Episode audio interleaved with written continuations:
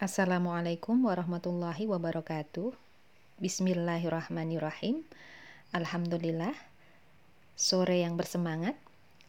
Apa kabar keluarga Kulon, kuliah online, ketahanan keluarga Imani, Kota Kabupaten Madiun? Semoga sehat semuanya dan diberkahi Allah SWT.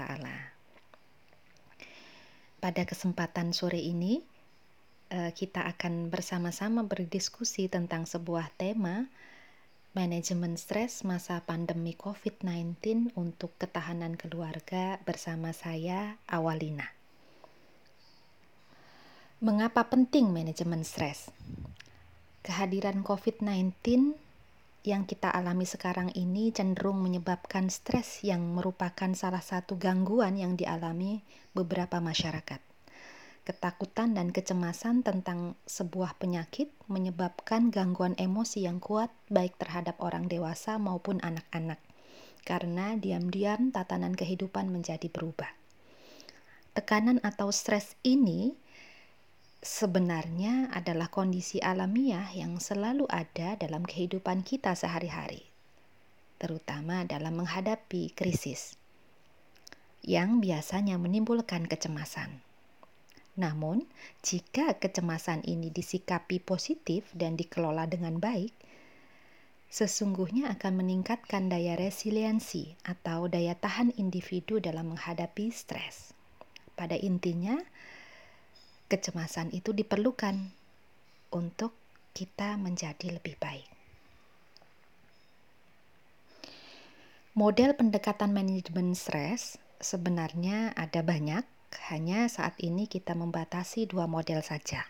Yang pertama adalah family support atau dukungan keluarga. Yang kedua adalah kesehatan jiwa atau mental.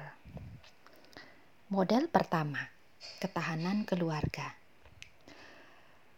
Uh, menurut ahli keluarga, uh, sebenarnya jika dipikir-pikir, uh, setiap kita, gitu ya, bermula dan berakhir di keluarga. Nah, saat ini kita uh, berakhir di keluarga ya di masa pandemi ini. Uh, dari beberapa teori tentang ketahanan keluarga, keluarga yang tangguh ini memiliki tiga ciri. Yang pertama adalah komunikasi positif, yang kedua kohesivitas, yang ketiga, fleksibilitas.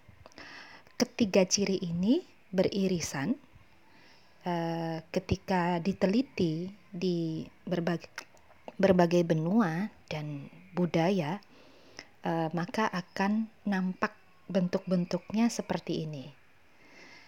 Dalam komunikasi yang positif, itu misalnya komunikasinya baik, uh, apresiatif, bisa menunjukkan uh, apresiasi kepada anggota keluarga yang lain.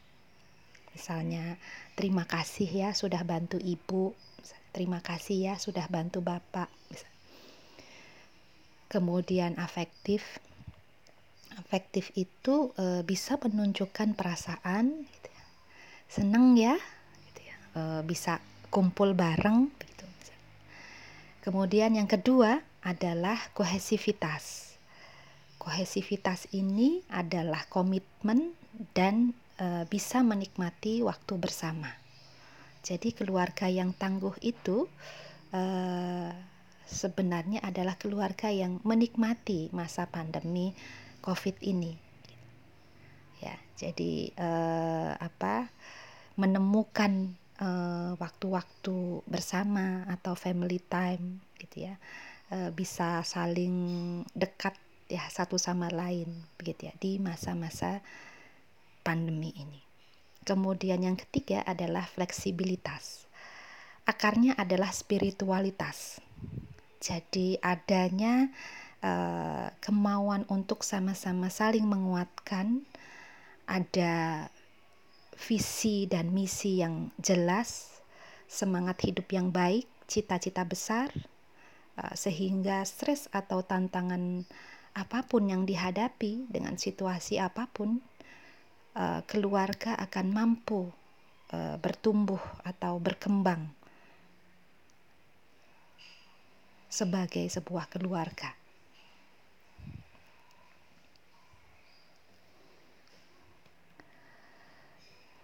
Komunikasi keluarga yang positif di masa pandemi itu uh, bentuk-bentuknya adalah uh, bagaimana kita bisa bicara uh, di masa pandemi COVID-19 ini. Yang pertama adalah mari kita bicara tentang apa tentang rasa syukur kita gitu ya, di masa pandemi ini. Syukuri bahwa masa ini adalah kesempatan family time yang mewah yang mungkin sulit terulang di kesempatan yang lain dalam kehidupan kita.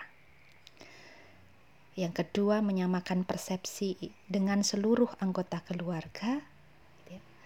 Syukuri, gitu ya, uh, buat itu senang, gitu ya, buat itu bahagia di keluarga kita.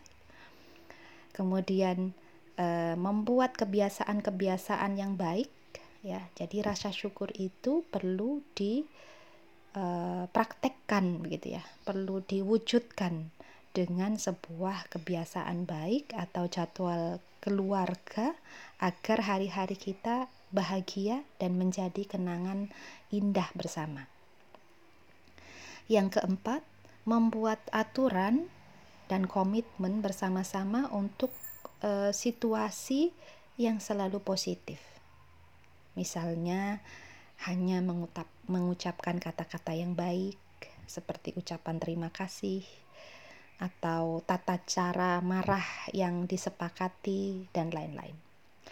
Yang kelima adalah e, mulai berkomunikasi positif kepada diri sendiri dan memberi contoh konkret. Misalnya, alhamdulillah e, ibu hari ini bahagia ya, semua bisa bangun pagi, bisa sholat apa berjamaah gitu ya. Terus uh, pagi kita pagi yang apa bersemangat gitu ya. Misalnya seperti itu gitu ya. Uh, semoga hal-hal tersebut bisa dipraktekkan dalam uh, keluarga kita